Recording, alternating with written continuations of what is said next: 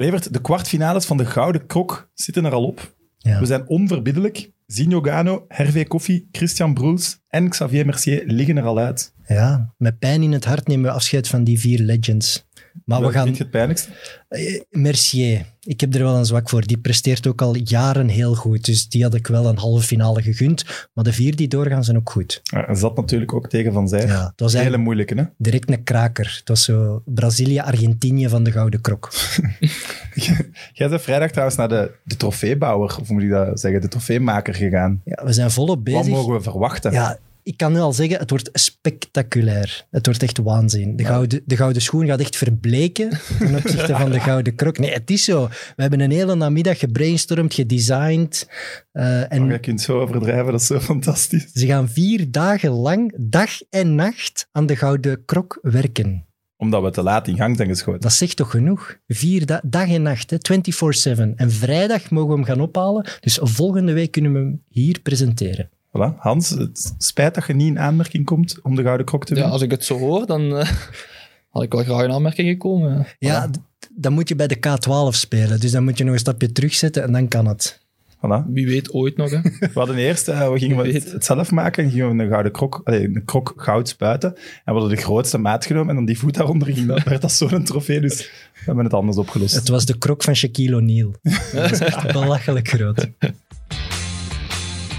Mit Mit, de voetbalpodcast van Friends of Sports en Play Sports.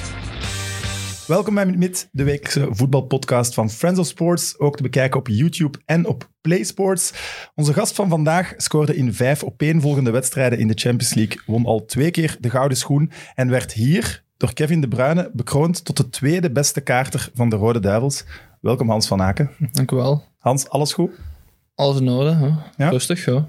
Goed. Eh, klopt het wat Kevin zegt? Tweede beste kaarter van de Rode Duivels. Goh. Ik zou toch nog durven zeggen de beste. Ja? Nee, het, oh, het, ligt, gewoon- het, ligt, het ligt gewoon heel kort bijeen, maar eh, de kaarten die daar zijn spelen ongeveer hetzelfde niveau. Dus eh, de ene keer wint de ene dan de andere. Dus goh, om echt te zeggen, de allerbeste, maar ik durf misschien toch wel zeggen dat ik net iets beter ben. Ja? Oké, dat is mooi. Maar als niet-kaarter denk ik altijd, is dat niet gewoon geluk bij het delen? Eh, het heeft ook met geluk te maken, maar het spel dat wij spelen is eigenlijk... eh, de, de deler kiest het spel. Dus je speelt eigenlijk eh 4 keer 5, dus 20 spelletjes.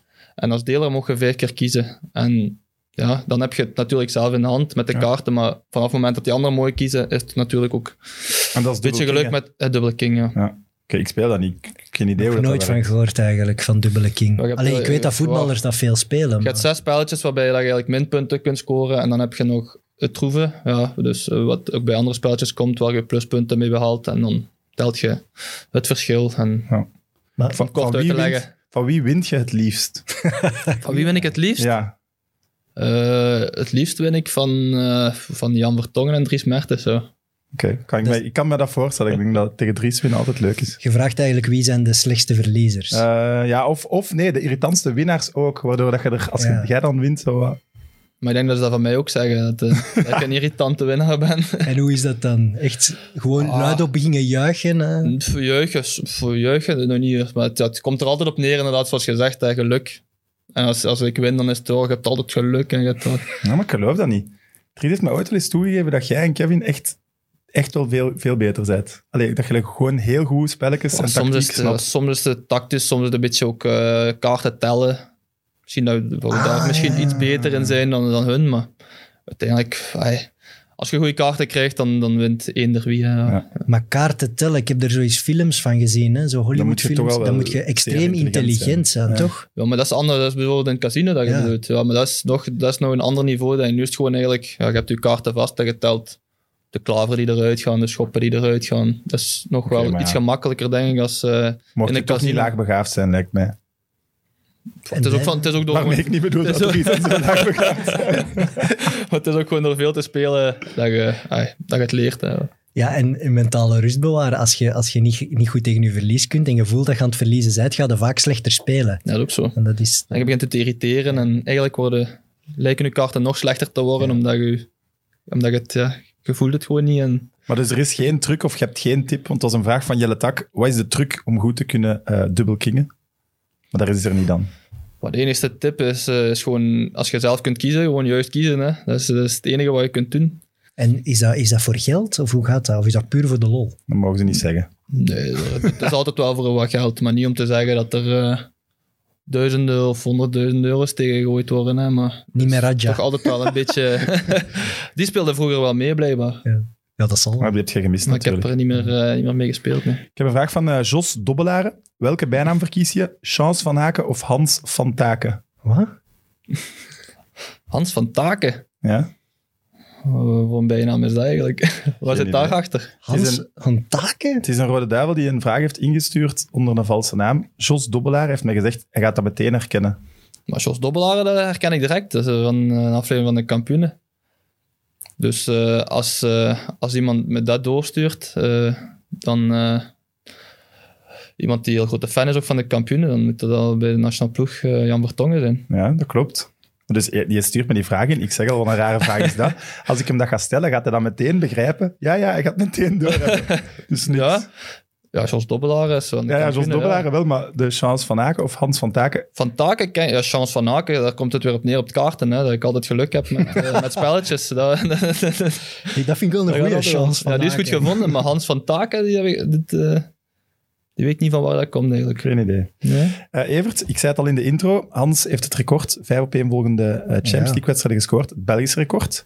Er zijn vier spelers die beter doen van heel de wereld. Wow, die Ja. meer dan vijf wedstrijden op rij wacht. Ja. hè? ja, dan kom je bij de beste uit. Hè. Dus ik noem Messi, Ronaldo. Messi niet.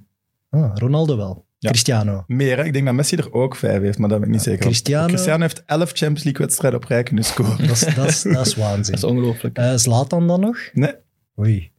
Eh, Zidane? ik heb het u daar ik net denk gevraagd. eerlijk ik gezegd dat hij er niet rap op gaat komen. Nee.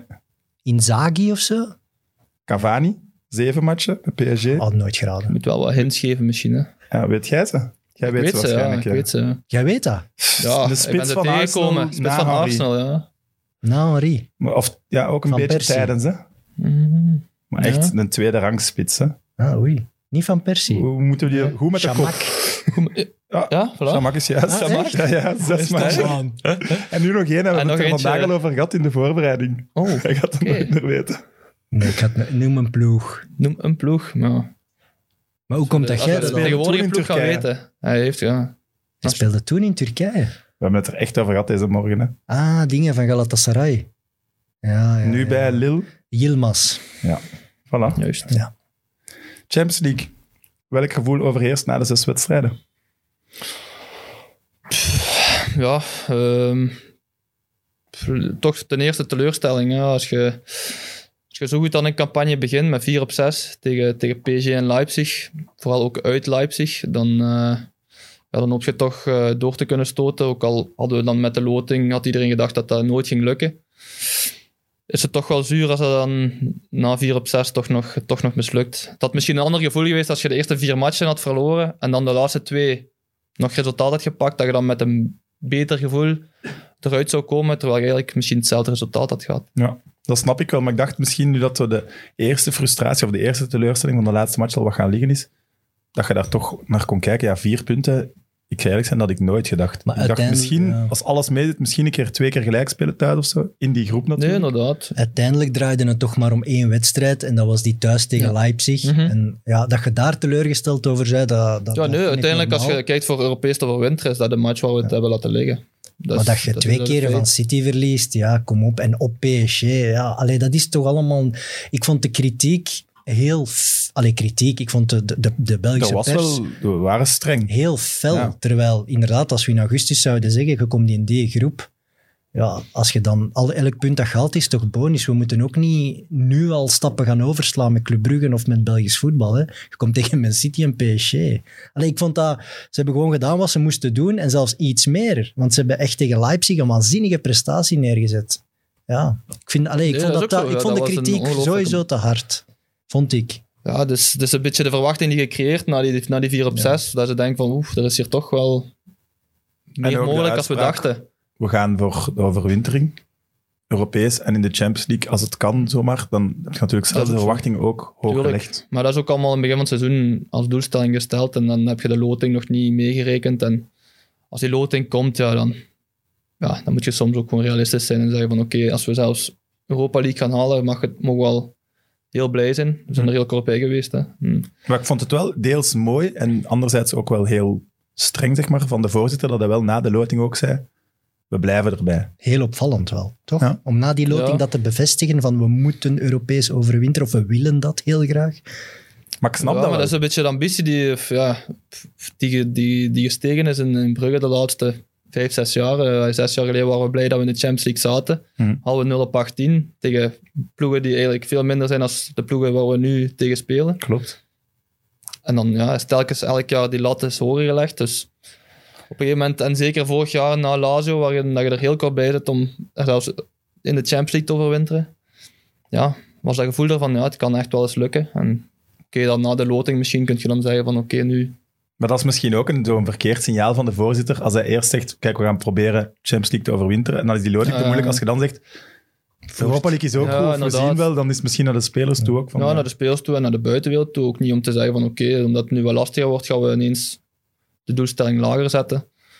Dat je kunnen, hè. Er had ook niks mis mee geweest om dat te zeggen. Als je PSG en City loodt en Leipzig, waar ook nog altijd eh, tweede Ja, was vorig jaar in de Bundesliga, is geen schande om te zeggen, we gaan voor die tweede plaats. Mijn, Of eh, mijn, voor die derde plaats, sorry. mijn beperkte bronnen binnen Club Brugge zeggen dat... dat Sorry. ik lachte nu harder uit dan ik wou. ja, Ik ben benieuwd wie, hè. Nee, Nee. zeggen dat Bart Verhagen en de directie daar rond een heel hard topsportklimaat proberen te installeren bij Club Brugge. En daar hoort bij heel ambitieus zijn en die ambities ook durven uitspreken. Ook op momenten dat het misschien wat naïver kan overkomen, maar geen zwakte vertonen om aan alle spelers en stafmedewerkers duidelijk te maken hey, Club Brugge, wij willen een topclub worden, wij willen de sprong richting het niveau van Ajax maken. Dan moeten wij ook durven zeggen, City, PSG, ja, wij gaan daar concurrentieel tegen zijn. En dat hij gewoon ja, niet wil afgeven daarin. Nee. Hij wil echt die cultuur bij iedereen erin rammen. Hebben Ja, jullie is ook dat echt, gevoel? eh, ja, ja, sowieso. Echt, eh, een echte winnaar, onze voorzitter. En dus hij kan het niet maken om te zeggen, ja, het is een moeilijke groep, dus dit jaar...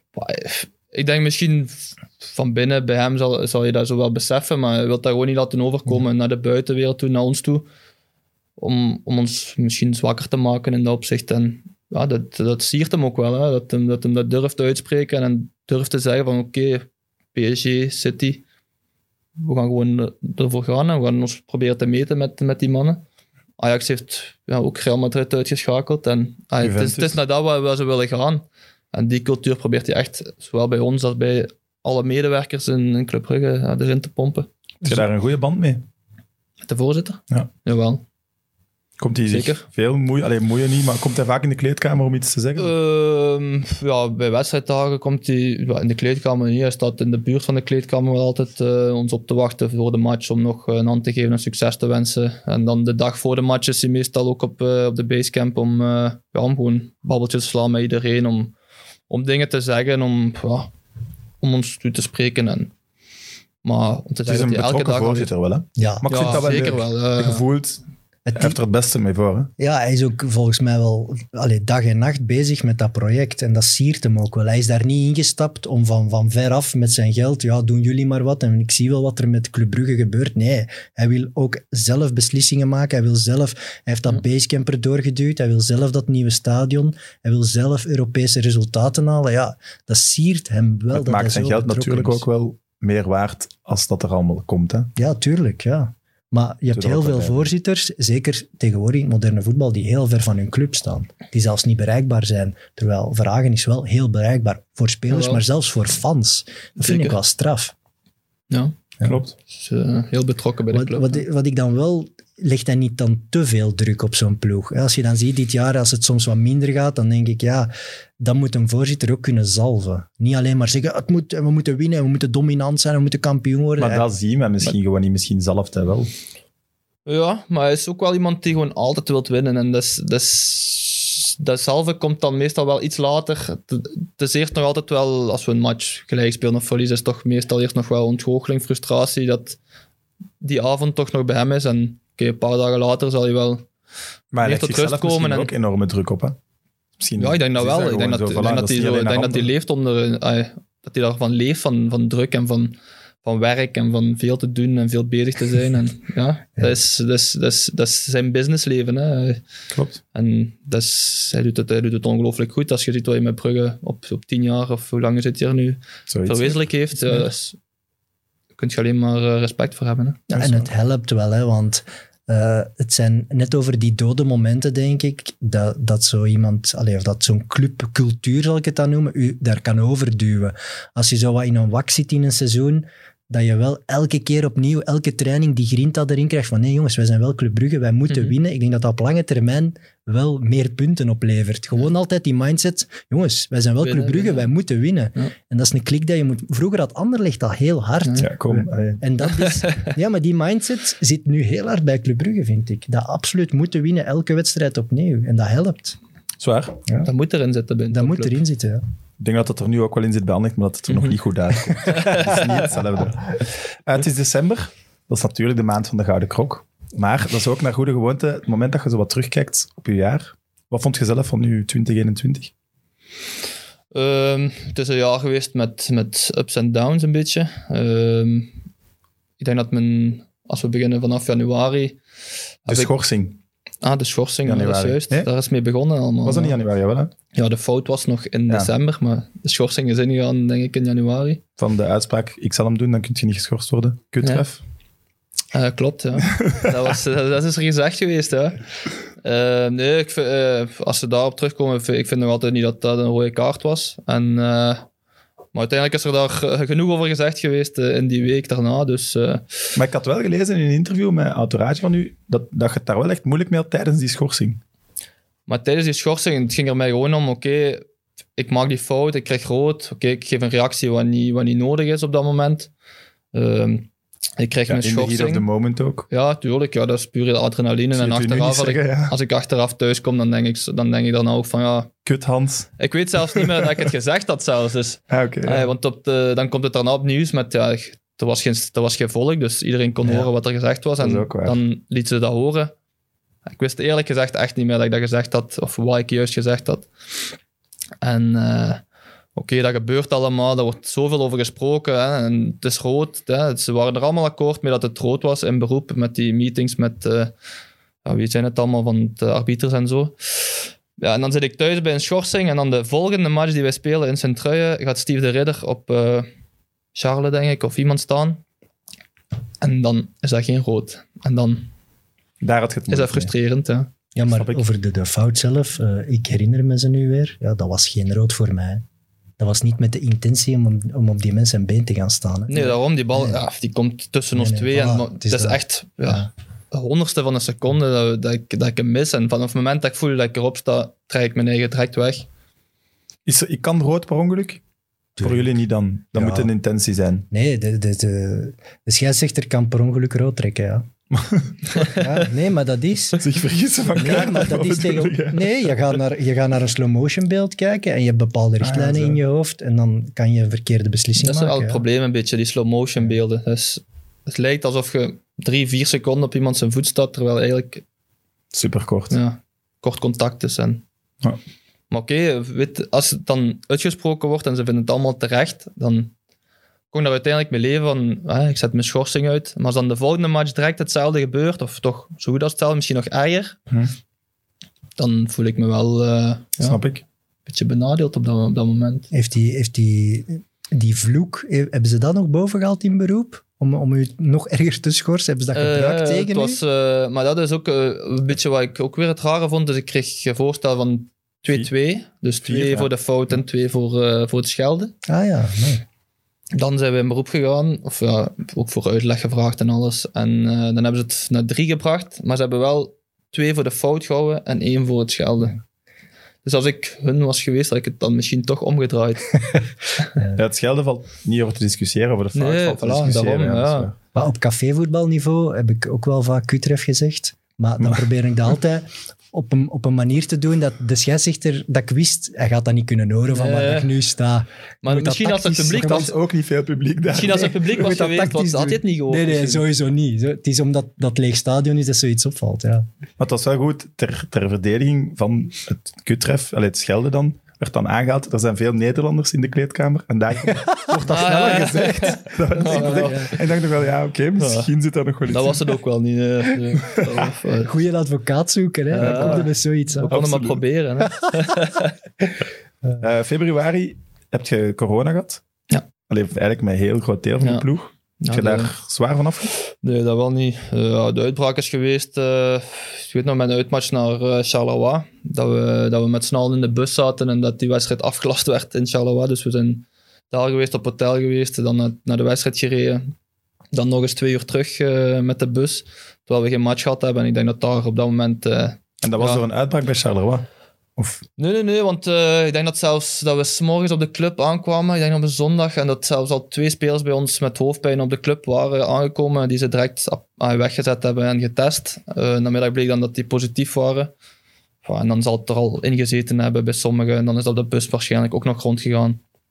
En dan heb ik het gehad. Ik zei het, ik kwam, ik kwam wel in Charleroi op hotel, ik had echt heel koud op de kamer. Het was daar al koud, maar ik had het dan nog extra koud. Ik ben een half uur onder een warme douche gaan staan. Mai. En dat werd niet beter. En toen dacht ik van, het zou wel eens kunnen dat het... eh, Maar niet van dat contact van die ochtend, hè? Zo. Nee, nee, want ik heb, die, ik heb die zelfs niet gezien, Ah, die jongens. Dus eh, daar, daar gaat het niet van geweest zijn. Het zal gewoon al de dagen ervoor in de kleedkamer gehangen hebben. En het was ook al bij de staf eh, bij sommigen geweest. Dus eenmaal dat het in de basecamp zat, denk ik dat het heel Ja. moeilijk was om het, er, om het eruit En- te houden. Zo zie je ook, want ik denk dat Club Brugge wel een ploeg is die daar zeer voorzichtig mee gaat omgaan. Je kunt er niet 100% helemaal Nee, zeker niet. En zeker niet met corona, want wij hadden allemaal, we hebben allemaal onze eigen kamer op de basecamp. Dus wij, wij douchen allemaal apart. Amai, is dat zo groot? Ja, ja. Dus we hebben allemaal onze eigen kamer. Dus daar, wij- we hadden alleen contact door ofwel voor de training in de gym een beetje te werken en training. En na de training allemaal naar boven, eigen kamer op. Het was zelfs niet samen eten, niks meer. Amai. Dus het was echt wel goed beveiligd. Of, ja, zou ik, maar uiteindelijk... ja, de grote zonde daar is dan, dan dat je je sportief ja, ook heel kwetsbaar wordt. Hè? Want ja, je kunt er niks aan doen. Je mist heel veel spelers. Ze gaan eruit eh, in Kiev, Europa tegen Kiev. Net in een seizoen, denk ik, waarin, het, waarin dat zeker een kwartfinale had gekund. Als je uiteindelijk ziet wie het, er- wie het er geraakt is in de Maar ik kwartfinale. heb, niet meer, ik heb het echt toen... Ik, weet, dat- ik kan niet meer zeggen wie er allemaal toen nog in zat. Maar Ja, ik Kiev hadden we echt, echt, echt wel, echt Ja. wel kunnen pakken. Voilà, en dat is dan jammer, hè, want zoveel kansen krijg je. Nee, niet. nee, Als je dat nu dat ziet, hè, nu eindig je vierde, kun je niet verder in Europa. Vorig jaar zat je, krijg je corona. Dat zijn al twee seizoenen. En dat is het ook vorig jaar. Hè. Je mist dan tegen Lazio net, Ja. hè, net die kwalificatie voor Champions League. Dan gaat je in Europa, dan denk je van Ja. nu gaan we daar. eh, en dan valt, ja, net op dat moment valt eigenlijk zes, zeven man weg. Dat is een zure. En kom je dan nog terug in dat ritme in dat seizoen? Eh, maar dat wel. Dat wel. Maar dat Eh, moet toch hebben meegespeeld. Want Brugge heeft dan niet, niet hun beste periode. Nee, dat wel niet. Maar het is, ja... Je komt terug en de een heeft er al meer last van dan de andere. Ik ben eigenlijk twee weken in quarantaine geweest, maar niet super ziek. Ik zeg het, ik had kou die ene, dag en de dag erna had ik één keer koorts gemeten, voor de rest ook niet meer. Dus ik heb er eigenlijk niet veel last van gehad. En je komt dan terug, maar je, weet niet, je hebt, je hebt eigenlijk twee weken stilgezeten. In welke vorm kom je terug? Noah Lang bijvoorbeeld is wel ziek geweest. Hè? Hoe gaat die terugkomen? Dus voor iedereen was eigenlijk een beetje een individueel verhaal aan het worden. En eh, ja, voor mij persoonlijk, want ik ben uit quarantaine gekomen, ik denk op maandag en ik denk dat we donderdag al een match hadden in standaard voor de beker of woensdag of donderdag. En ik heb die match gans gespeeld zonder, zonder eigenlijk problemen. Dus Maar je had het daarvoor ook al eens gehad, hè? Nee? Was dat niet je tweede keer al? Corona? Ja, Nee. nee, oké. Nee, maar bij ons zijn er ook een heel deel geweest die vals positief getest hebben. Ja, Mignolet. Mignolet, eh Ruud, denk ik ook. Ehm, zelfs, want ja, Mignolet was de eerste keer in Zenit. Dus die hebben ze getest. Die was dan positief, denk ik nog met twee anderen of zo. Toen is er achteraf gebleken eigenlijk dat die het niet gehad hebben. Dus vanaf toen is eigenlijk elke test daarna terug opnieuw gecheckt. Want eh, er zijn matchen geweest dat er nog positieve waren. Die zijn ze dan een dag later opnieuw gaan testen, was het toch negatief. Dus eigenlijk met die testen gebeurt toch nog altijd wel eh, Ja. een aantal fouten. Dat moet ook frustrerend zijn. Je wilt als ploeg resultaten neerzetten. En ja, ja, die corona, dat is in elke sector natuurlijk verschrikkelijk. Maar ja, je raakt zo niet door, weet je. Je- Elke keer opnieuw die een test afwachten, die Ja. niet, die wel. En nu is het terug. Hè. En bij KV Mechelen is het nu weer. Er waren nog andere ploegen die weer last hadden. Manneke, lief. Maar ook na die uitbraak, dan zitten elke ochtend, moesten, Ja. ja. ik moest dat dan niet meer doen omdat ik het gehad heb, maar anderen moeten dan elke ochtend voor die sneltest eh, Oh. een kwartier op de kamer wachten voor die uitslag. En dan pas gaan ontbijten, dan pas. Dus, ouais. Maar is dat ook niet, als je dan de uitschakeling met Kiev door zo'n reden, is dat mentaal ook niet zwaarder? Want er zijn veel spelers die met Club Brugge al in België alles gewonnen hadden, dus dat je wel je extra energie of motivatie uit die Europese matchen haalt. En als dat dan... Ja, maar half voor mij was het ook pijnlijk. Ik zit voor de tv te kijken en je ziet, eh, je ziet eigenlijk een ploeg die je, die je makkelijk kunt aan kunt. Hè. Je kunt makkelijk doorgaan in, de- in de Europa League. Ja, makkelijk, je moet het nog altijd doen natuurlijk. Maar je kunt, ja, je kunt er op dat moment niks aan doen. Dus eh, uiteindelijk, op het moment dat ik terugkwam, is het gewoon focus op alles wat er daarna nog kwam.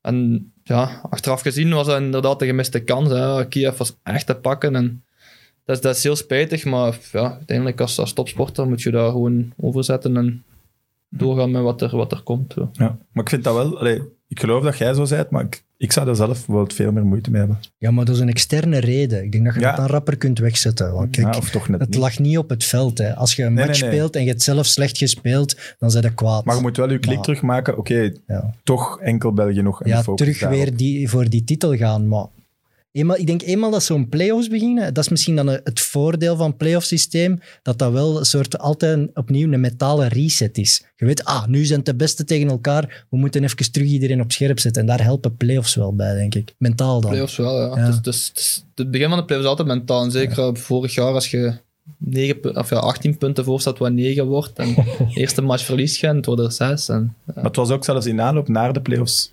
moeilijk, hè? Nee, dus... dus Anderlicht dus, herinner ik mij dat nu niet de beste... De druk werd gewoon verhoogd. hè, maar dat is ook omdat de pers wilde ook een spannende competitie. En dan gaat je natuurlijk de ploeg die bovenaan staan wat onder druk zetten in de hoop dat het nog spannend wordt. En Ja, daar en hadden jullie wel gewoon nog dingetjes van. zoeken. Hè, Ja. Proberen om, om proberen een beetje ja, ons uit evenwicht te brengen. Of op een of andere manier om toch ja, inderdaad spanning te krijgen. in- in de En die onderschatten, die halvering van de punten is een gigantische Ja, motivatie voor een Genk andere, dat net ja. in vorm Dat kwam. is voor- de, de- ja, de- de meest waanzinnige regel ooit, maar ik denk dat iedereen het daarover eens is. Buiten Filip Joos, ik denk dat die grote fan is, omdat die puur vanuit het spanningselement kijkt. Maar puur sportief is het absurd. En dan gaat de pers de hele tijd hameren tegen jullie. Ah, die halvering van de punten. Het kan nog dat jullie hem niet winnen. Hè? En elke dag opnieuw. En we moeten dan zeggen, ja, we weten het. Maar ja, ze pakken Ja, ons en voor ons punten is af. het altijd anders. Hè. Elke match is ja, als we vandaag winnen, dan, dan ziet het er goed uit. Ja, niet gewonnen volgende week. Maar als we, als we deze keer winnen, ja, dan is het. En zo telkens opnieuw. Dus, en terwijl die anderen hebben zoiets van, ja, we staan negen punten achter. We gaan het toch niet meer halen, dus wow, wij kunnen vrij eh, spelen. Een andere, andere druk die erop zit dan... Ja, Maar zeg je pro-playoffs of, of tegen? Los Maar van ik- de halvering dan. Los van de halvering vind ik het wel, vind ik het wel een leuke match, sowieso. Het zijn, het zijn nu, ja, nu zijn we nog met vier, dus het zijn zes extra topmatchen. Daar eh, vind, ik, vind ik helemaal niks mis mee. En uiteindelijk, eh, die halvering van de punten is, is, is niet juist. Natuurlijk, vorig jaar door die halvering van de punten is het nog spannend geworden. Hm. Maar ik denk ook niet dat er elk jaar een, een gat van 18 punten gaat zijn tussen 1 en 18 nummer punten 2. is echt... Allee, dat is ridicule Ah, ja. Eh, Dat is echt dat gaat niet elk jaar zijn. Dus ik denk niet dat het altijd nodig is dat halvering terug spanning in, in de competitie kan brengen of in de playoffs. En het is misschien ook door de halvering nu dat, dat iedereen wel zo naar kijkt naar Union. Ja, dat komt nog wel goed sowieso. Terwijl ja, zeven punten is op wiegt zich u- wel al een voorsprong, ja. maar als je met de halvering wordt dat voor hetzelfde geld maar drie. Hè. het wiegt u wat in slaap staan nu. Vier punten, hè? Ja. Wat? We staan op vier punten van Union. Het, wiegt u, het wiegt u een beetje in slaap. research. Dat is, je echt op vier? Vier punten. het wiegt u in slaap. Ja, maar het is wordt opgenomen eh, voor OHL. ik, hoop dat die, ik hoop dat die Dan match met ik elkaar dat, echt... nee, dan hoop ik nu dat het is. Wat zeg eigenlijk. jij nu eigenlijk? dat ze gaan verliezen van OHL? Nee, ja, dat, kan, dat kan er nog voor zorgen dat ik van, heb. hè. Ik kan, Ja, dat, ik kan dat niet wegsteken. Ik ga er zelfs niet op reageren. Ah, wel. ah, wel. Ik zal als Anderlecht van iets zeggen. Eh, de play-offs gingen dan moeizaam, maar tegen, tegen Anderlecht, dan, als het echt voor de titel was, spelen jullie wel ineens terug bevrijd. Was misschien jullie eerste echt, echt goede match van de play-offs, Ja, als ik dat mag zeggen. ja, misschien wel. Maar was al de match daarvoor thuis tegen Antwerpen, waarin dat we, dat we de eerste overwinning eh, binnenhaalden. Ja, en dan weet je dat in, eh in Anderlecht moesten we winnen voor... eh, of, of nee, we moesten gelijk spelen. Hang ging een beetje van Genk af ook, denk ik. Ja, als Genk won, hadden we, goed- moesten we gelijk spelen of winnen. Ja. Maar we, Genk speelde voor ons. Dus toen wij in Anderlecht aankwamen, stond het daar op, op, op scherm. Maar toen was het ondertussen al 3-0, denk ik, of zo. Dus we wisten wat ons te doen stond. En eh, ja, dat is dan wel weer het mooie. Dat het moment dat het, dat het moest gebeuren, dat we het wel, dat we het wel hebben kunnen afmaken. Dat is niet dat er in die week dan iets gezegd wordt of in de groep gebeurt dat ineens zo onverklaarbaar in sport, toch?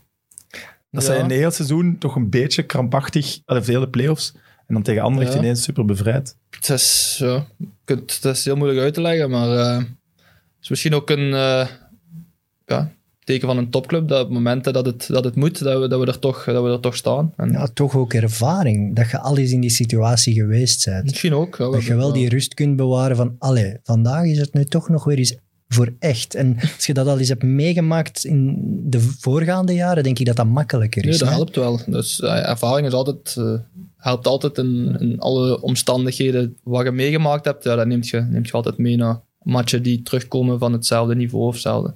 Wat ik gewoon daar, daar heel jammer vond aan die playoffs is dat er... Want ik ben een grote Philippe Clement fan. Dat kennen mensen niet, maar gewoon wat dat hij al gepresteerd heeft als coach. Dat er daar plots, Vastboy, jongen. plots zwaar aan getwijfeld werd. Dat vond ik gewoon heel raar aan die playoffs. Terwijl, ja, hij deed het toch maar weer. Hè, ja. Dat is het lot van de coaches zijn bij de absolute topclub. hè. Misschien Als je wel. bij wijze van spreken niet elke match wint, is er iets aan de hand precies. Of- zo. Maar hij zorgt er wel weer voor dat ze toen in die beslissende matchen wel weer scherp waren. Dan moet je hem dan ook Ja, je credits speelt wel graag op Anderlicht, hè? Eh, ja, dat Ligt speel ik wel graag. Ja. Maar dat komt ook omdat Anderlecht ook wel een ploeg is die altijd graag voetbalt. Hè. Ik dacht, ik altijd- dacht dat je ging zeggen omdat die altijd kei slecht zijn. Ik heb gewoon gezegd graag voetballen. Ze kunnen voetbal is nog iets anders. Jongens, jongens, jongens. Nee, maar dat is, dat is zeker Ja, Anderlecht ik pak het thuis. echt allemaal. Het zal Ah. ooit terug veranderen. En dan hoop ik dat het met nog bestaat, dat ik het allemaal kan terugschieten. Anderlecht thuis kan de bus niet parkeren, hè? Dat, dat snap ik. En dat je dan leukere wedstrijden krijgt. Ja. Hoe hebben jullie die titel gevierd? Want het was bijvoorbeeld zonder publiek wel op Anderlicht.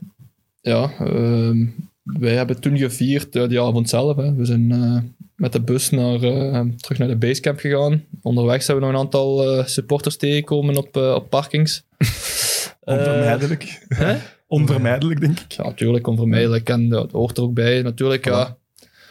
Corona gewijs was dat misschien niet... Jongens, het mag niet. niet we mogen niet Eigenlijk vieren. mocht het Ja. niet. Ja. Ja, of zo van Ja. het raam zo'n keer zwaaien is ook maar. Ah. Daarom. Dus uh, ja, ik denk op twee parkings zijn we gestopt of zijn we ergens langs gereden. En uh, dan zijn we doorgereden naar de basecamp. Maar hier dat we daar waren was het ondertussen drie uur, denk ik. En dan hebben we daar nog uh, een tijdje gevierd. Maar dan het echte was pas zondag na de laatste match. Hebben we dan was het echt feestje georganiseerd. Ook weer terug in de basecamp. En hebben we Wenta, gemaakt. kampioen Wenta. worden. Dat was nu vierde. Is dat dan minder een explosie van vreugde dan de blijft andere? altijd wel hetzelfde. Maar natuurlijk, de eerste is misschien specialer. De eerste keer is misschien specialer, maar het blijft nog altijd wel ja, het mooiste wat er is om in België te hebben, hè, kampioenschap. Maar zet je een... ze- want ja, wat heb je dan nog aan een vierde titel? Wat, wat extra is bovenop een derde. Oké, je hebt gewonnen, maar zet je dan een trofeeënjager? Dat je zegt, ik wil er echt Ja, maar zes, Als je aan het seizoen start, wilde toch winnen? Ja, Ja. ja. maar is dat zo van, oké, ik zit nu aan vier. eh allee, dat je echt zo begint te tellen van, ik wil gewoon echt een legacy uitbouwen. Ik wil zoveel mogelijk trofeeën eh, hebben. sowieso. Ja, oké, maar dat is, een, dat is een braaf antwoord. Maar zet je daar echt mee bezig van, ik wil de meeste halen of ik wil... Ik weet zelfs niet wat het meeste is, dus Ja, wie is, wie is het meeste kampioen in België geworden? Ik weet dat ook niet. Ja, dat zal eh, Jeff Mermans of zo zijn, ik weet het niet. Ja, daarvoor zit hier, man. ja, Doe maar nu laat ik me dat kennen. weet. ja. Dat is triest. Nee, maar ik, op een gegeven moment, allee, gelijk dat je zegt, vierde titel. Op een gegeven Vier moment, vind ik wel echt al veel. Ja, het is dat. Vier, en op een beperkt aantal seizoenen eigenlijk. Hè. Het is niet Zes, dat dat top zeker. tien jaar is. Hè. Ja, zo denk ik. wel, jullie denken misschien zo, maar ik denk er nu niet zo bij. Maar ik vind dat keigoed. Hè. Ik wil nog even benadrukken, want daar hebben we het misschien nog niet over gehad, maar ik ben grote fan dat spelers voor een langere periode bij één club blijven. Hè. Dat, dat vind ik fantastisch. Ik had hè. nog eerst het hoofdstuk. Ik kan Ja, sorry. kunnen, Nee, nee, kunnen nee. eerst het transferhoofdstuk Nee, nee. doen, als je dat wilt. ja, Kiest niet jij maar eens. Ah, Wel, nee, maar dat, dat, dat zorgt voor een herkenbaarheid. Dat zorgt voor fans die, die kunnen zich vereenzelvigen met die ploeg. En dat is als spelers langer bij een ploeg blijven. Dus altijd zeggen van, Hans moet het proberen in het buitenland. En West Ham klopt aan de deur, nu moet hem gaan. Nee, hè. als hij zich goed voelt bij Brugge en daar zijn nog uitdagingen en die, en die ploeg staat achter hem en die fans zijn daar, waarom zouden dan moeten vertrekken? Eh, we gaan het aan Hans zelf vragen, aangezien hij, Hij is Eigenlijk hier wel een mooi verwoord eigenlijk. Ja. Ja, je Ik zou het soms niet beter kunnen verwoorden. Maar nee, het is wel wat je zegt. eh, ik zit, zit zo goed, ik ben, ben heel gelukkig. En ja, moet ik dan voor eender wat er komt direct eh, zeggen van oké, om toch maar te kunnen zeggen van ik ben in het buitenland geweest. Ik weet dat niet. ik denk, ik denk dat nu gewoon uw- dat uw legacy en uw twee gouden schoenen, vier titels, dat dat wel al zo goed is, dat het misschien is van, ik moet het wel ooit geprobeerd hebben. Stel je voor, je blijft, en waarschijnlijk gaat het zo zijn, maar je pakt aan het eind- het eind van de rit zeven titels, misschien drie, vier gouden schoenen. Ga je dan niet nooit het gevoel hebben, hmm, had dat ik ga toch ik maar wel nooit ooit... hebben. Dat ga ik wel nooit hebben. Ik ben niemand die dan achteraf gaat denken van, "Pff, had ik toen maar. Want, ai, ik leef Geen nu spijt, en als... nooit. eh, nee, nee, dat wel niet. Ik Dan nooit zou ik het spijt niet hebben doen. van, eh Ja, van en keuzes Dat is, het, maak. dat is de enige reden dat ik me kan inbeelden voor... Oké, hij moet het wel eens doen, want hij gaat misschien achteraf wel spijt hebben. Ik heb me nooit gemeten op Maar een... vind je het dan nooit mooier om te zeggen van, je gaat naar het buitenland, dat ik nu bijvoorbeeld in... Deze zomer was West Ham bijvoorbeeld. Ja, als ik nu had gegaan, maar dat ik bijvoorbeeld in januari zou terugkomen al. Omdat het niet gelukt is. Oké, maar ja, dan zeg je dat het niet lukt. West Ham heeft een goed seizoen als je daar... Nee, nee, maar je weet, niet, weet of het lukt, hè. Nee, je weet Dat nooit of het lukt. Dat is waar. Dus ai, Dus er is ook iets van... het moet voor mij gewoon juist zijn om die stap te maken. Ik moet me daar goed bij voelen. Ik moet, me daar, dat moet, ik moet het gevoel hebben van die ploeg, oké, die past bij mij en dat is, dat is waar ik nu voor wil gaan. En als dat is, dan...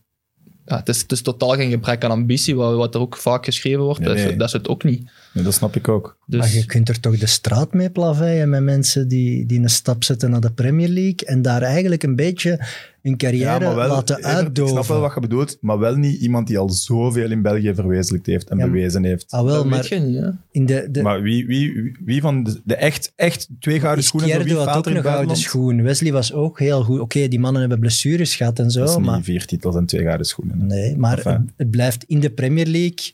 Eh, stel je voor, West Ham koopt Hans van Aken. Dat is niet eh, Lionel Messi dat ze kopen vanuit Premier League oogpunt. Hè. Daar gaat hij zich gewoon weer moeten bewijzen. Het kan zijn Mhm. dat hij tiende man is, maar het kan ook zijn dat hij na drie weken zeventiende, achttiende man is. En dan zit je daar. Hè. Dan, Ja. dat is, je zet daar veel sneller een wegwerpproduct en dan heb je alles wat je bij Bruggen hebt opgebouwd en voor de Belgische fans hebt opgebouwd kwijt. Want dan zeggen ze, ha, ziet hem daar een keer Ja. zitten. Ze.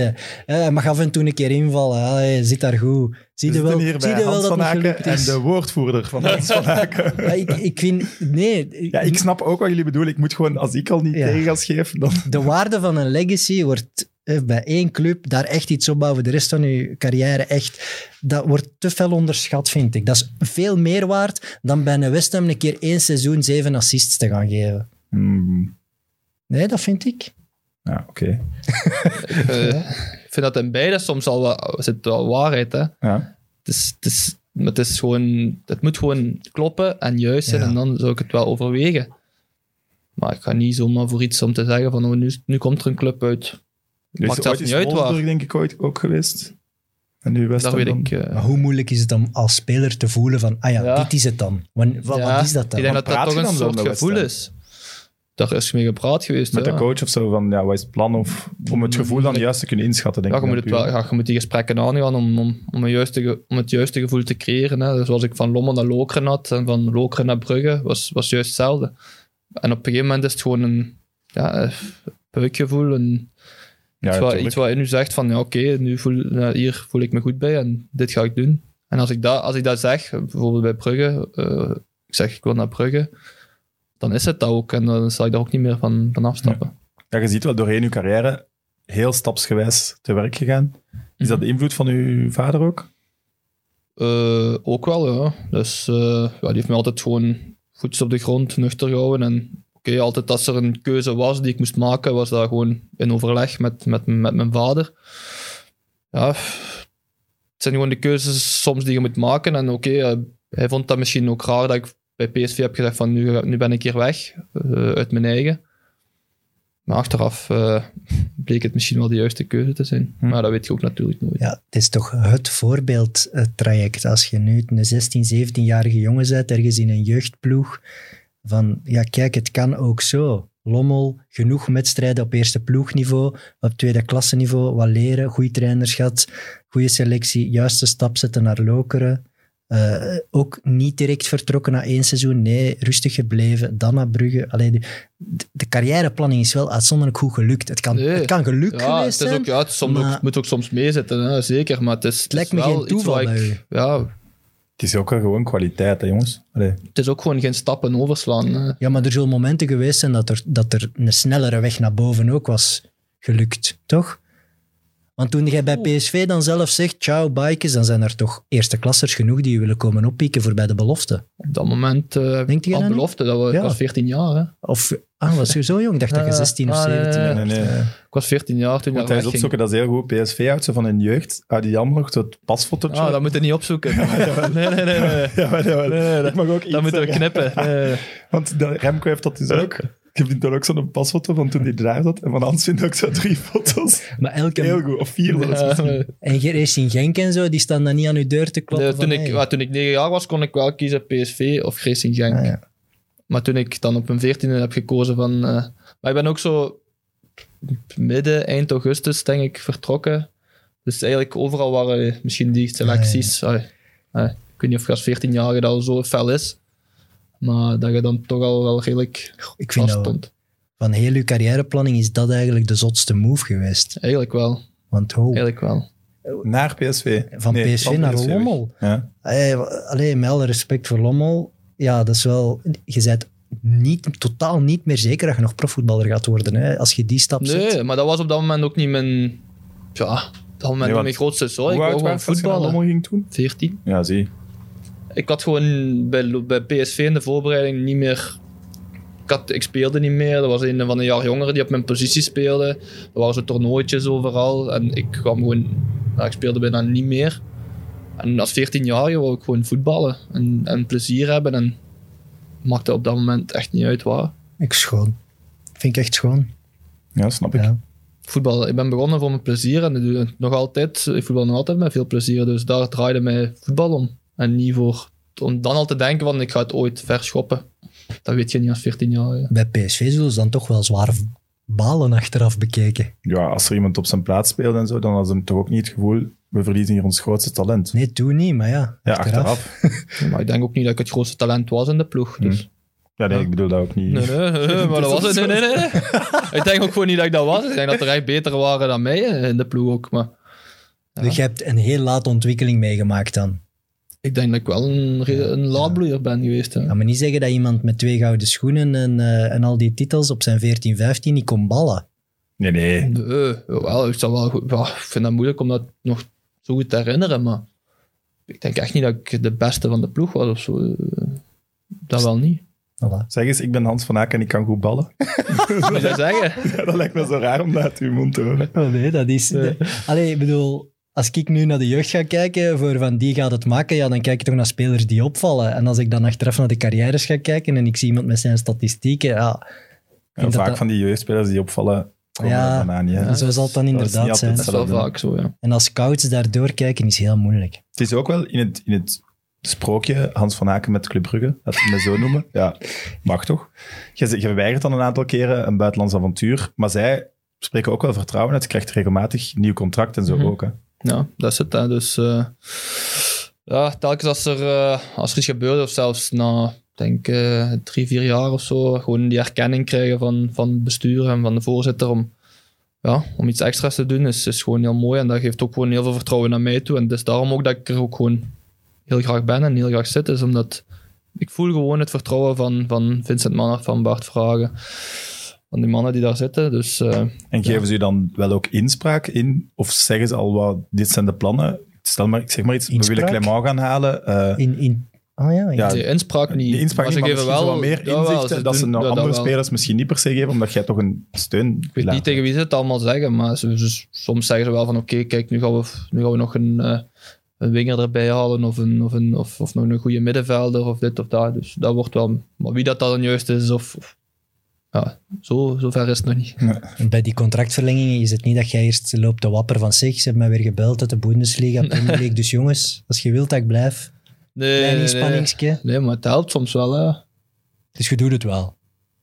Ja, maar ja, als West Ham komt en ze hebben een voorstel, ja, en dat weegt hem niet echt op tegen elkaar, ja, dan... Ja, nee, ik vind dat, een, ik vind eh, dat ook fair. Hè. Je moet even in de micro, blijkbaar.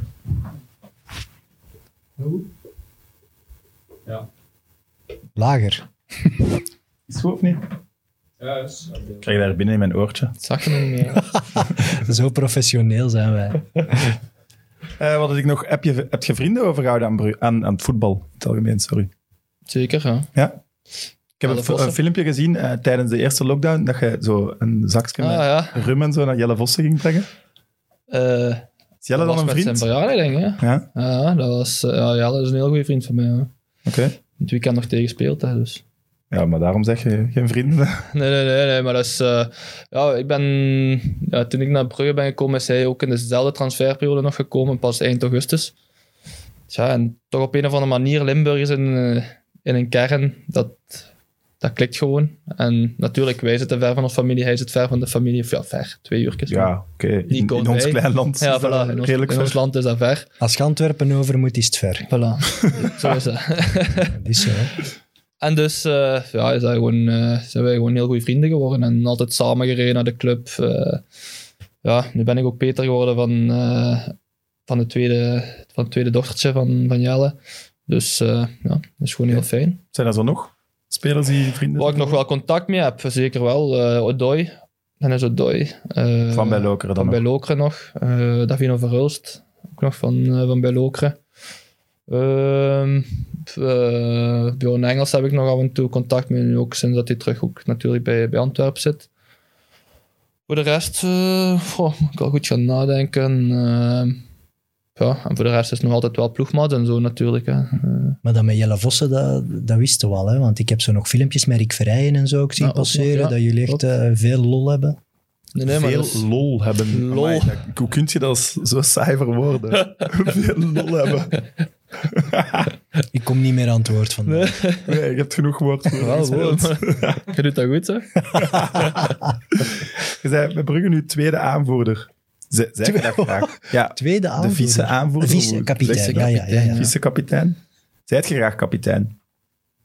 Goh, Want ik heb wel het gevoel dat je vice-kapitein, of dan in sommige matches kapitein bent, door hoe je als voetballer op het veld bent, Ja, voilà. meer dan dat je qua ja, dat is ook zo. Dat, dat, dat vind ik zelf ook. Ik probeer ook meer leider te zijn door mij als, als voetballer te presenteren dan puur communi- communicatief.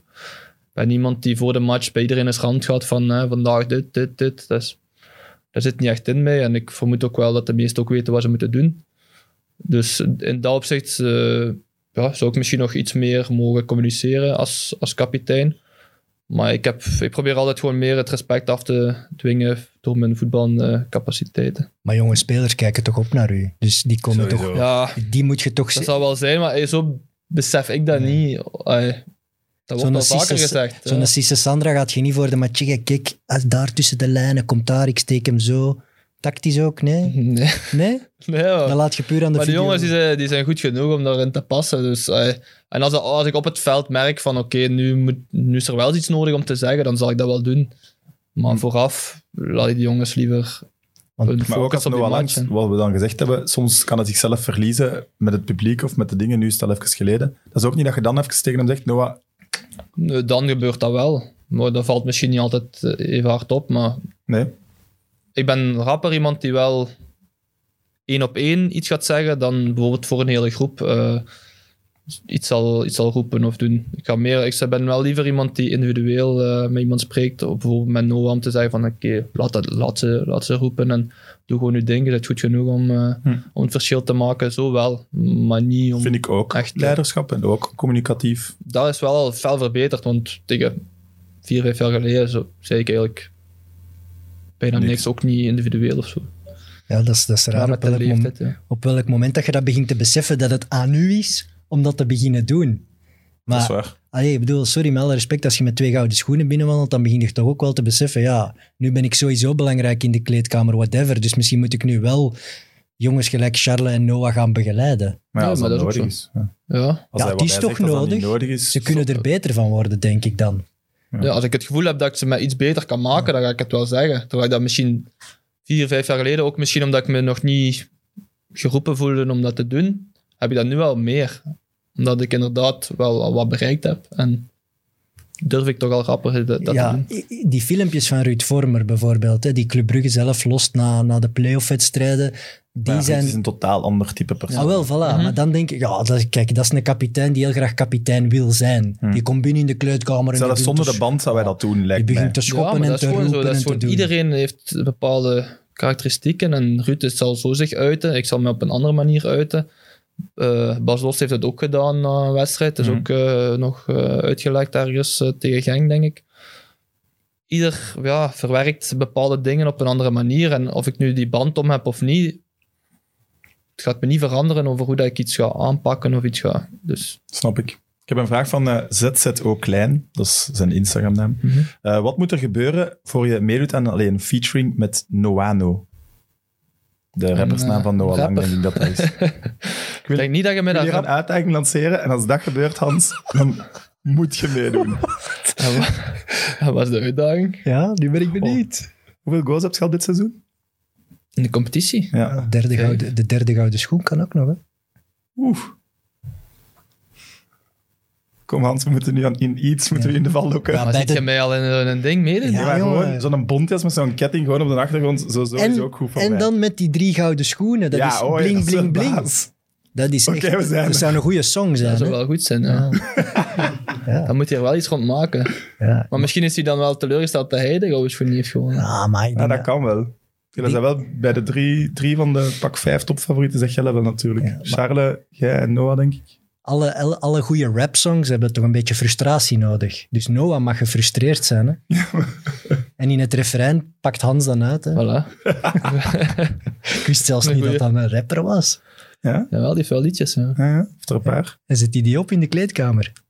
Ik, ik ken ze, ik ken ze. Dus, Heb je daar nooit naar geluisterd? nee.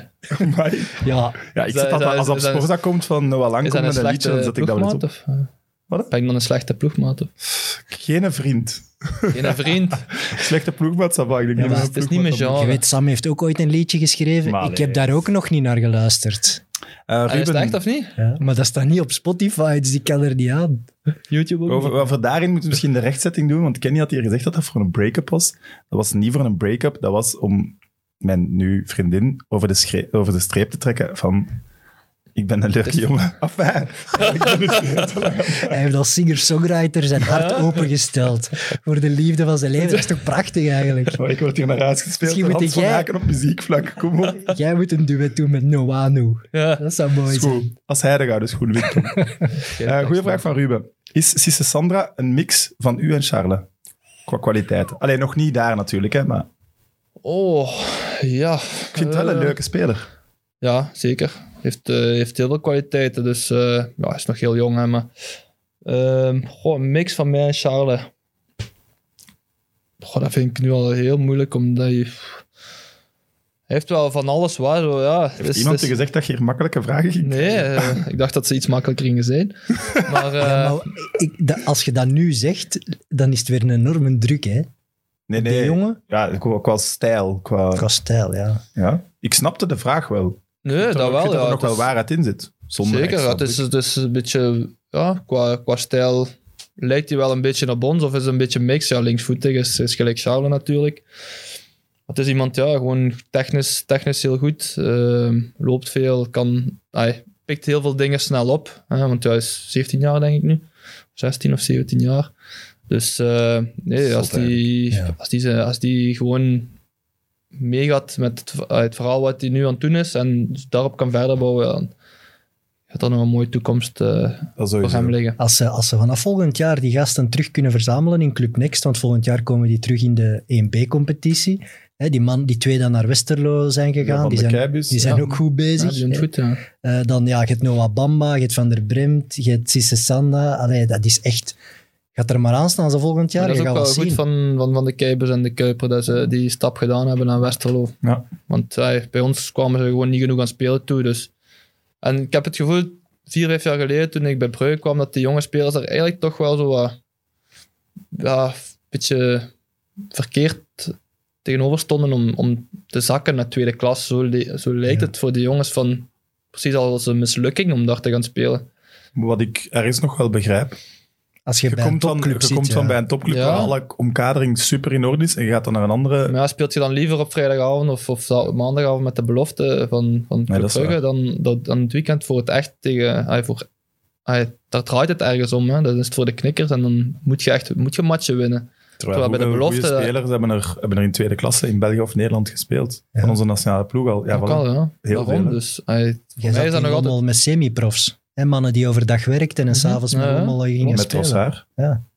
Ja, ook. Dus ai, ik vind dat nog altijd een van, voor jong gasten, als ze, als ze bij topclubs of bij, bij eender welke club niet, niet aan spelen toekomen, ik zou altijd, altijd gaan spelen in tweede klas. Natuurlijk moet het daar ook nog lukken. Hè. Dat, Ja, ja, dat nee. is ook nog niet zeker. En dat is wel het risico natuurlijk, ergens. Als het Ja. daar dan lukt, zit- eh, mislukt, zeg je misschien wel sneller. Ja, Maar als je goed Kan kunt wel. voetballen.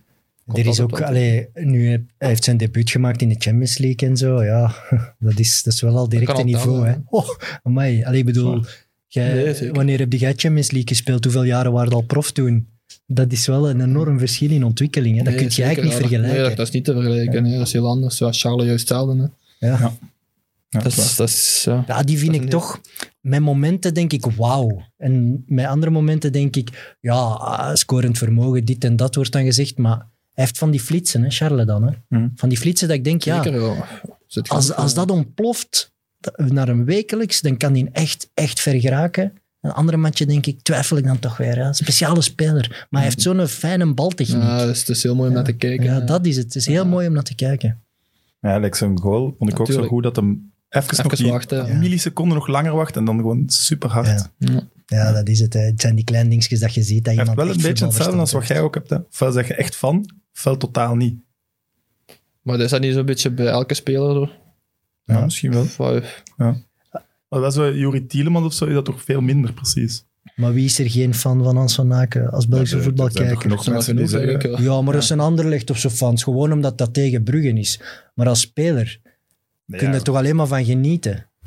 Maar zeg je maar. Nee. Nee, Een maar advocaat, heeft je een advocaat hier Ik ik Maar dacht, toch is het oké als, we- als we het nu over het EK hebben? Of mogen we? jij moogt dat. maar je moest ook lang Ja, maar- nadenken. Hoe kijk je terug op het EK?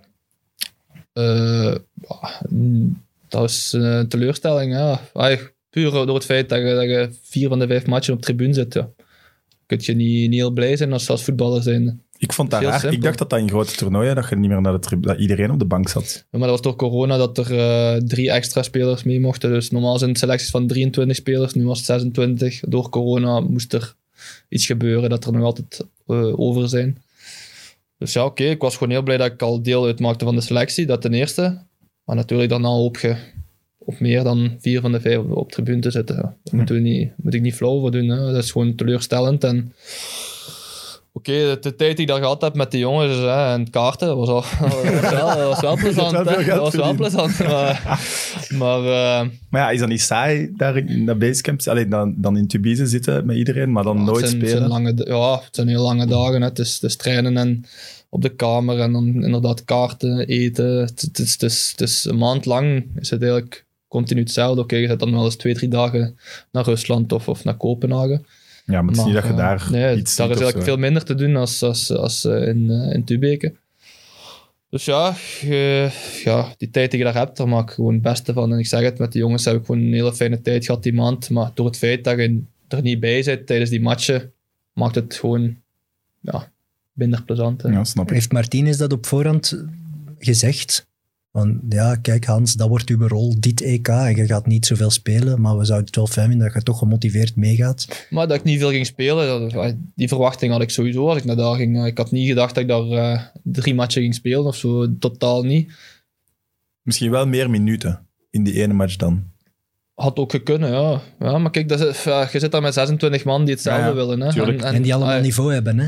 Het is niet dat er drie prutsers voor je voilà. ja. Dus eh, als, ik het, als ik nu wel had gespeeld, die match, en, en ja, Dennis Praal bijvoorbeeld niet, of, of. Den Donker niet, ja, dan, dan had die hier gezeten en dat gezegd. Ja, dus ergens moet hij die keuze maken. En wij kunnen alleen maar accepteren en proberen om daarna, als je dan wel eens de kansen krijgt, om het tegendeel te bewijzen. Maar dat is wel opvallend, hè? dat het eigenlijk na het TK wel plots helemaal omarmd werd door Martinez en wel veel gebruikt wordt en wel resultaten haalt. Dat Ja, vind maar ik wel is- raar. dat is in het drie, algemeen Martinez drie maanden wel- eerder ik- kan, kan Martinez dat dan niet zien of zo. Ik weet Nee, maar ja, dat is wel... Na het EK heeft Martinez toch duidelijk gezegd, oké, nu moet ik wel meer naar Ah, andere... ja. Want Charles de Ketelaar was er niet bij op het EK, Salemakers was er niet bij op het EK, die krijgen nu ook een kans. Ik denk niet dat het alleen maar Hans is. Dus nu is dat nu, dat wilde ik zeggen. Voilà. Nu staan die mannen.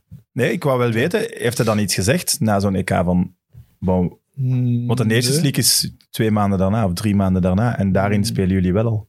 Nee, heeft hij eigenlijk niks. Daar is eigenlijk niet meer op teruggekomen. Hè. Want nu, zet je toch, nu voelt je daar toch wel heel gelukkig. Want ja, het- sowieso. Ja. nu weet je dat je gaat minuten gaat maken. Natuurlijk, ja. En ja, dat weet je natuurlijk nooit, maar door die, in september, die campagne, ja, is, is alles, is de perceptie ineens eh, helemaal omgedraaid. Hè? Ja. Ja, ja, dat is Ja, waar. dat is gewoon zo, Maar dat is mooi, zo even mee lachen. Het is echt waar. ja, het is gewoon zo. En eh, het, is, het, is, het is natuurlijk mooi dat, we, dat ik die kans gekregen heb. Eh, natuurlijk, het is ook weer een beetje geluk dat Juri Tielemans net uitvalt eh, de dag voor in, in Estland, waardoor dat, je- dat je mocht spelen. En die dat, ja, het gewoon goed doet. En dan de match erna weer mocht spelen. En dan ook ja, eh, in die twee matchen goal en drie assisten. Dat, dat helpt natuurlijk allemaal. Dat zijn cijfers natuurlijk. Dus-. Ah, ja. Maar rond de, rond de 16, waar Martinez toch eh, heel graag speelt met die 3-4-3, kun je op verschillende posities uit de voeten. Je hebt het spelinzicht. Zeker in wedstrijden waarin dat wij heel veel balbezit hebben, denk ik dat je met Hans nooit iets verkeerd doet. Natuurlijk, als iedereen weer fit is, iedereen, dan praat over Hazard, De Bruyne, dan zijn de plaatjes heel kostbaar. dat gaat nog Maar wel dat een paar jaar ik zo ook. Hè. zijn. Dat is gewoon zo. eh, Dat, dat, dat, dat, dat weet ik ook, dat eh, het onrealistisch is om te weten als iedereen echt fit is, dat ik, dat ik basisspeler ga zijn. Ja. Dus Maar het is ook nooit dat iedereen fit is. Je mist altijd wel spelers, hè, dus... Het is no- nog geen enkel toernooi geweest dat er niet iemand geblesseerd moest dat afraken. moet een doel zijn, hè, vind ik. Vind, Ja, ik vind allee, dat in. Qatar, zeker. in Qatar moet je toch wel echt doorbreken op dat niveau. ja, ik hoop het. Dat is Het was daar wel ook Ja. het goede leven hè, in Tubize. Hoe? Ik heb daar filmpjes gezien. Barbecue, Ah, eh, ja. Chinese avond. Hoe heb je dat gezien? Ja, dat moet ik nu niet zeggen, denk ik. Ik denk dat ik het Ja, wel we weet. kunnen al wat beginnen Ja. raden. Hoe Jos, Dobbelaar? of Jos. Chinese avond, wat is dat? Chinese avond, weet ik niet of we Of gehad hebben. Japanse avond of zo. Ja, Sushi, eten. Eh, Japans. ja, we hebben van allerlei avonden gehad. We hebben Spaanse avond gehad, Italiaanse avond, Amerikaanse avond. Dus eh, ja, die zijn de... Je moet iets doen, hè? Ja, ja. Ja. Maar dat is ook gewoon om het een beetje te breken. Het is Maar altijd eten dat. in dat restaurant eh, een maand lang. Dus hebben ze gewoon af en toe een avond eh, buiten daar eh, alleen nadeel als uh, hooikoorts. Hè. Oei, jij had er last van. Ja, ik had er echt heel veel last Oei. van. Dus dat was wel... Dat is niet ideaal. Nee, dat was niet zo plezant. Nee. ik was altijd vroeg binnen. Ik was altijd vroeg binnen. Ja, dat was... De kaarten al gaan schudden. Ja, ja, ik was er klaar gaan zetten. Goed, Nee. Play Sports uur zit erop. Dus eh, voor de Play Sports kijkers, als jullie willen verder kijken, is het op YouTube van Play Sports. Als jullie verder luisteren, is het op het podcastkanaal en Spotify van Friends of Sports. En Evert heeft nog, we hebben zelfs nog een shirt weg te geven. Als Hans dat wil signeren, is het een gesigneerd shirt. Dus eh, blijven probleem. kijken of blijven luisteren. En tot volgende week. Bye. Goed, EK hebben we gehad. Ja. Zult je nog iets over zeggen? Nee, niet per se eigenlijk. Ik denk dat het, dat het gewoon gezegd is. PSV hebben we ook eigenlijk gehad ondertussen. Nee, maar wat ik mij nog wel altijd afvraag van PSV is... eh, ja, waarom, waarom hebben, ze, hebben zij u laten gaan? Maar je hebt daarnet gezegd dat je zelf beslist hebt, dus ze wilden u eigenlijk niet laten gaan. Nee, ik ben gewoon het seizoen, dat is een U15 denk ik, dat noemt dat C1. Ben ik gewoon begonnen. En eh, ik zeg het, ja, die, dat zijn altijd beginnende toernooitjes. In het begin eh, vier, vijf toernooitjes dat je gaat spelen. En ik speelde gewoon te weinig naar mijn gevoel. En oké, dan heb ik iets gedacht van, oké, ik, ik wil gewoon plezier hebben, spelen, voetballen. Oké, misschien terug ook naar, mijn- naar mijn vrienden in, in Lommel. En gewoon terug fun hebben. Hm. Zat je Ja, daar op gastgezin of zo? Nee. Nee, dat wel niet. Nee. Dat, was was een half uurtje van met thuis en altijd met, eh, met busje. Ik zat daar ook op school. Dus eh, ah, dat, was allemaal, dat was allemaal goed geregeld. Daar was, daar was niks mis mee. Maar ehm, ja, ze hebben mij niet laten gaan. Ik heb dat dan gezegd. Ik, we hebben dat aangegeven in PSV. Die hebben dan nog een gesprek. We hebben dan nog een gesprek gehad met denk, de trainer en, en jeugdcoördinator of zo. Maar we zijn dan, ja, we zijn dan naar huis gereden. Ik heb direct gezegd van nee. Mijn besluit, zoals ik daar straks zei, als Ja. ik iets kies, dan is dat... en Ja, maar als 14-jarige, je kunt als vader ook denken, ja, maar wacht even, Hans.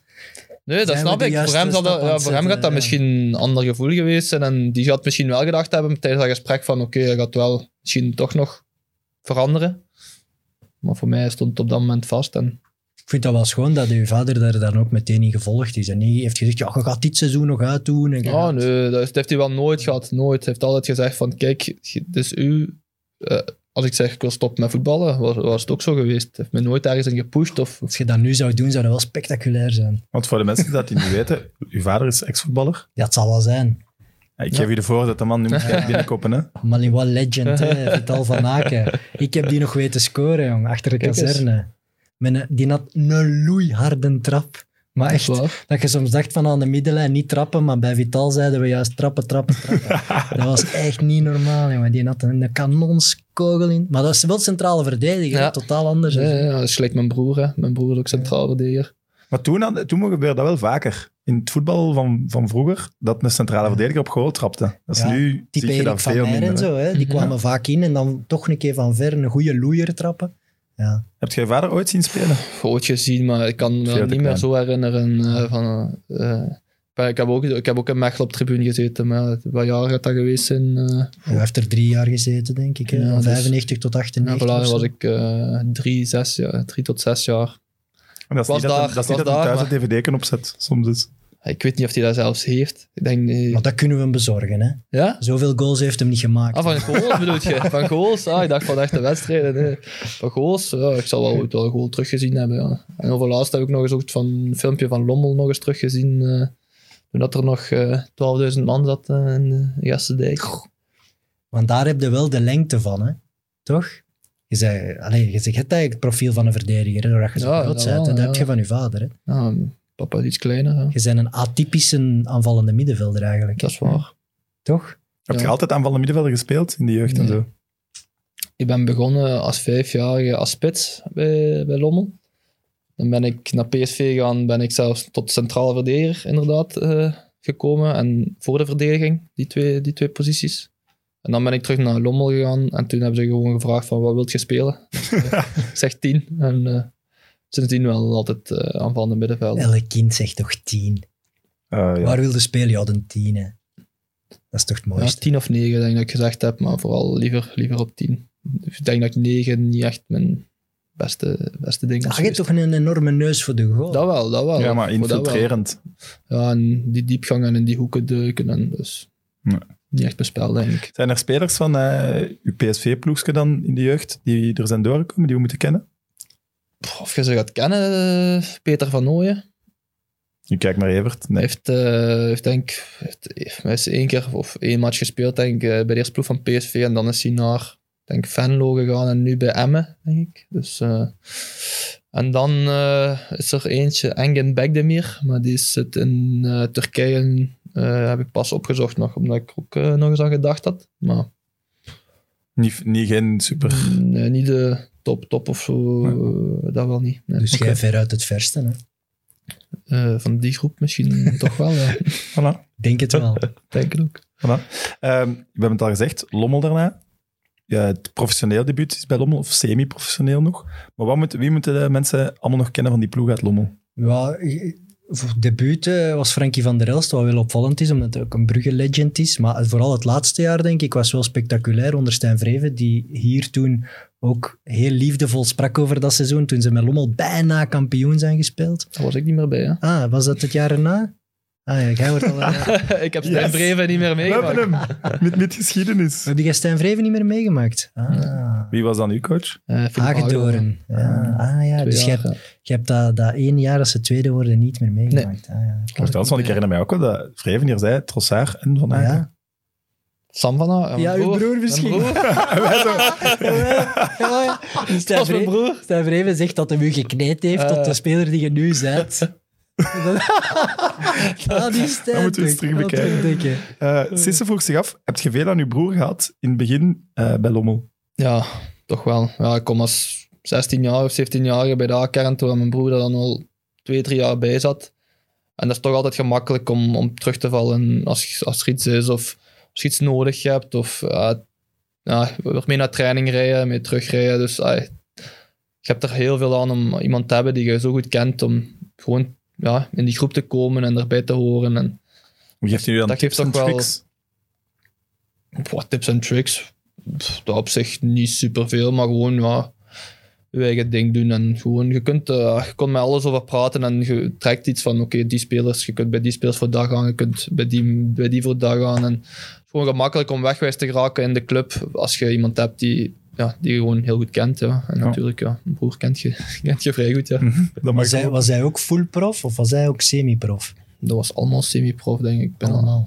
ja, zo goed als allemaal. Eh, ik weet niet, in die tijd, ja, zo, met Harald Pinkst hadden we toen nog. eh Juist. Björn Wie waren de vedetten? Bjorn Sengier was in de goal, Harold Pinkstad, uh, echt even dat, Guy de Voer was dat toen, Ah. eh, Robin Henkes, Ah ja, eh, Jason Oost. Was een goeie, hè? Was een Die kon ballen, hè? Ja, die kon ballen. Wat dat wordt ballen vandaag, Ja, ik weet nu. Dat is Zeg iets je nieuws. toch? Iets nieuws ertussen steken. Ja, dat is zo'n speler die, Lol die, maken en ballen. die af Dat is en toe zoiets zegt. geniaals doet met een bal. En Jason Oost was dat type. Als een Vedo. Ah ja, Ah ja. Dat ook nog. die van Oagel later. Ja. Ja. Oké. Goh, Eh Lokeren, komt Peter Maas u echt halen? Dat vroeg ik me af. Of Komt hij me echt halen? komt die transfer tot stand?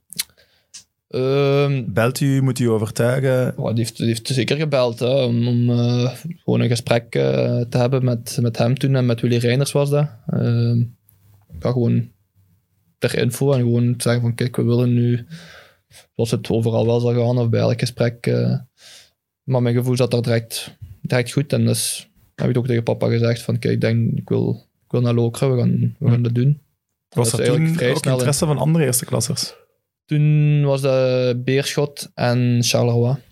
Oké. die, die clubs waren er. Dus ik heb overal gesprek gehad. En eerst was het eigenlijk Beerschot en Charleroi. Pak in november, zo Ja, ergens rond die tijd al. En dan januari of zo is, is Lokeren gekomen. Dus ja, ik, wil- ik ook pas na het seizoen vertrekken, dus ik had echt wat tijd om erover na te denken.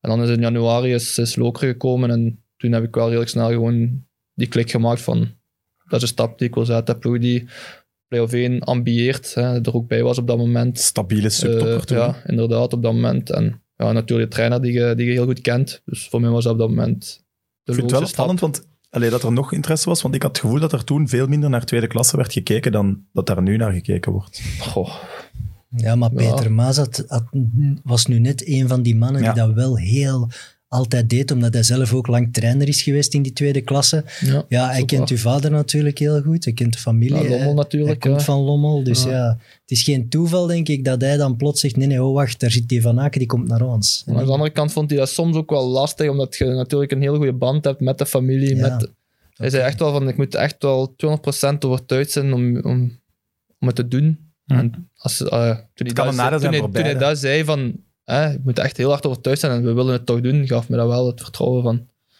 oké, dit is het. En jij zou nog twijfelen omdat die band te close is, dat ze dat gaan bevooroordelen. Maar dat gaat je toch hebben. Ja. Dat gaat toch gebeuren. Maakt niet uit. Dat was zelfs met mijn papa ook zo. Toen die in het bestuur zat van Lommel en ik kwam bij de eerste ploeg, is het door mijn papa dat ik, dat ik bij de eerste ploeg kwam. Eh, dat, gaat je altijd, dat gaat je altijd hebben als je iemand kent en je komt erbij, dan is het. Er was wel ook een leuke ploeg van Lokeren, waar Maar hij ja, in kwam. Ja, Ja. heel goede ploeg. Ja.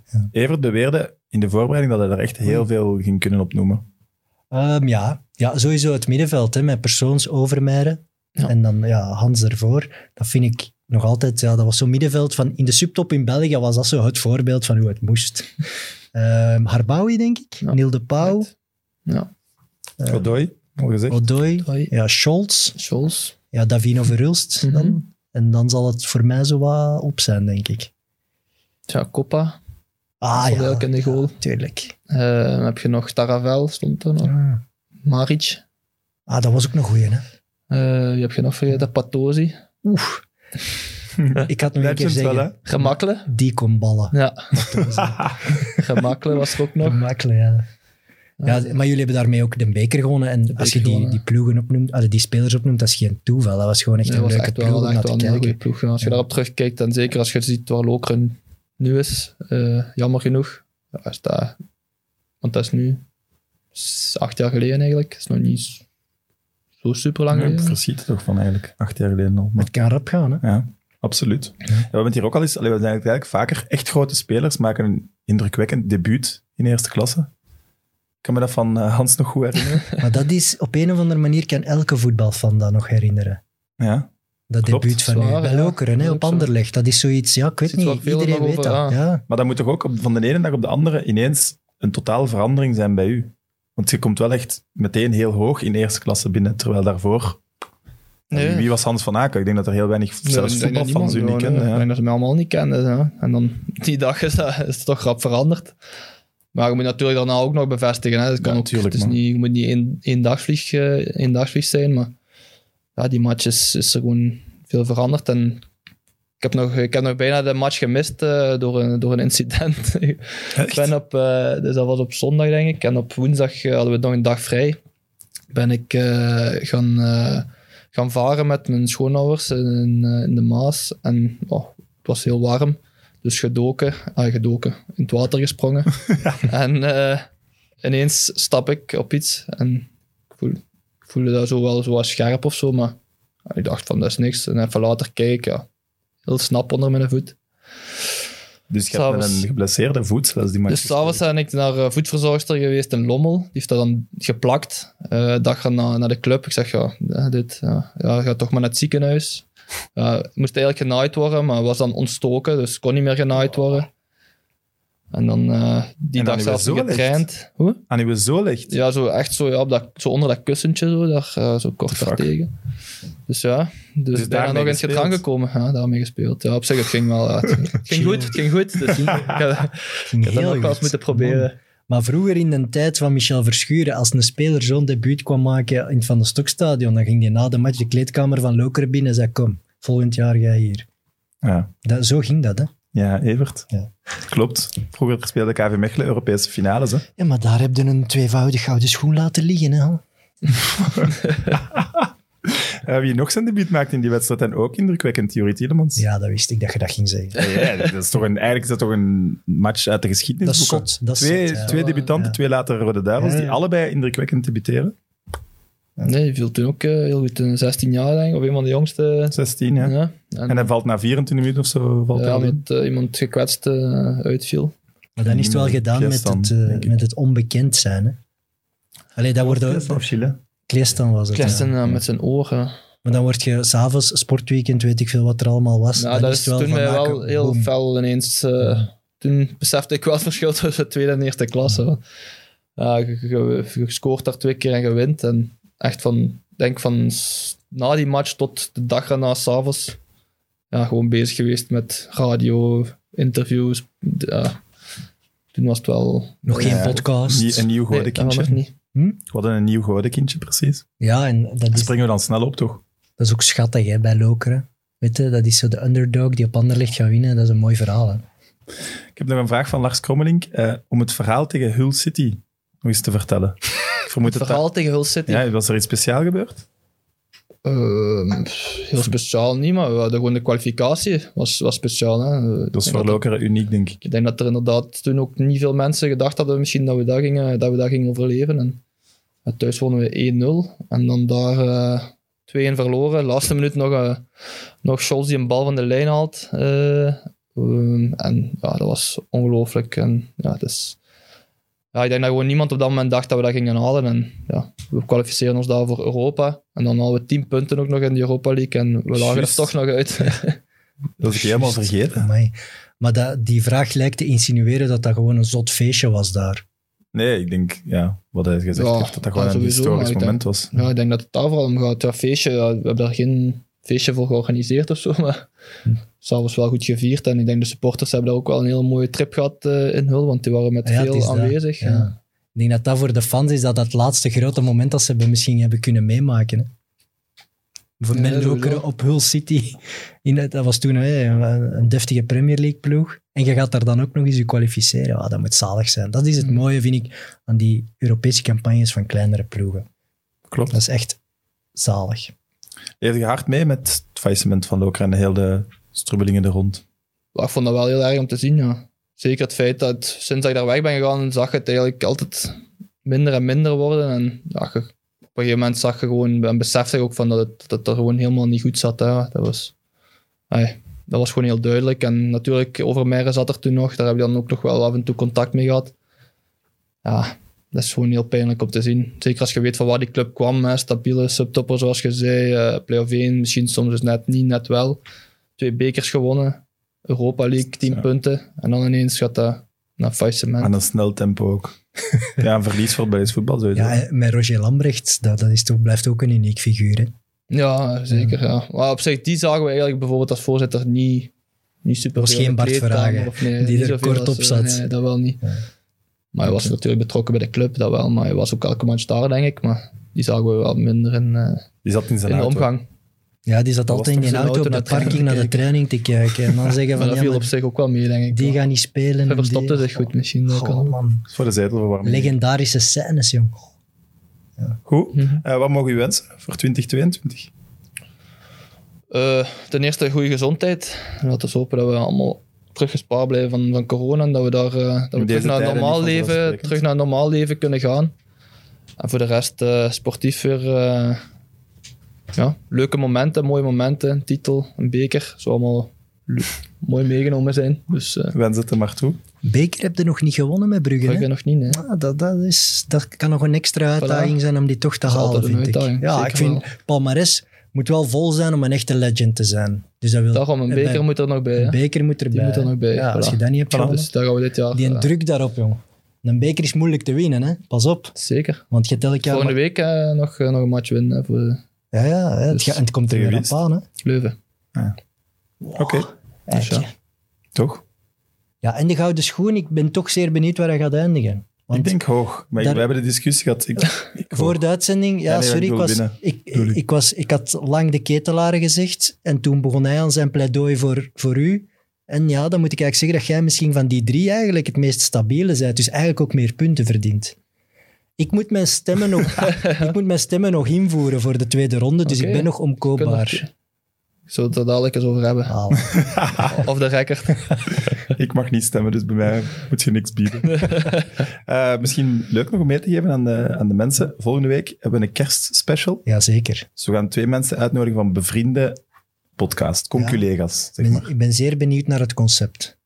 Maar we gaan het ook heel kerstig maken. Voilà, Ja. En we gaan de Gouden Krok onthullen in die aflevering. voilà. Allemaal leuk. Kijk, jij ook naar aan. uit, Hans, om dat mee Zeker, te zeker. maken? Jawel. Ja, dat is- kijk, maar er is toch niks mooier dan een prijs die je nooit kunt winnen. In Hans zijn geval. Misschien om in zijn laatste dagen nog naar Lommel gaan, naar Lommel terug in eerst. Het kan, hè? Dat hij zo ligt te kwijlen op de Gouden Krok en, daar, en daarvoor nog een transfer maakt. Dat zou mooi zijn. Goed. Hans, dikke merci Nee, om te komen. Evert, tot, eh, tot volgende week. Graag. Voor de mensen die het eh, straks gesigneerde shirtje willen winnen van Club Brugge, volg ons op Instagram, @midmidpodcast, en daar zult je te weten komen hoe dat, dat kan. Ik ben uitver- uitverteld. Ik ook. Oké, tot volgende week. Bye. Mit Mit, de voetbalpodcast van Friends of Sports en Play Sports.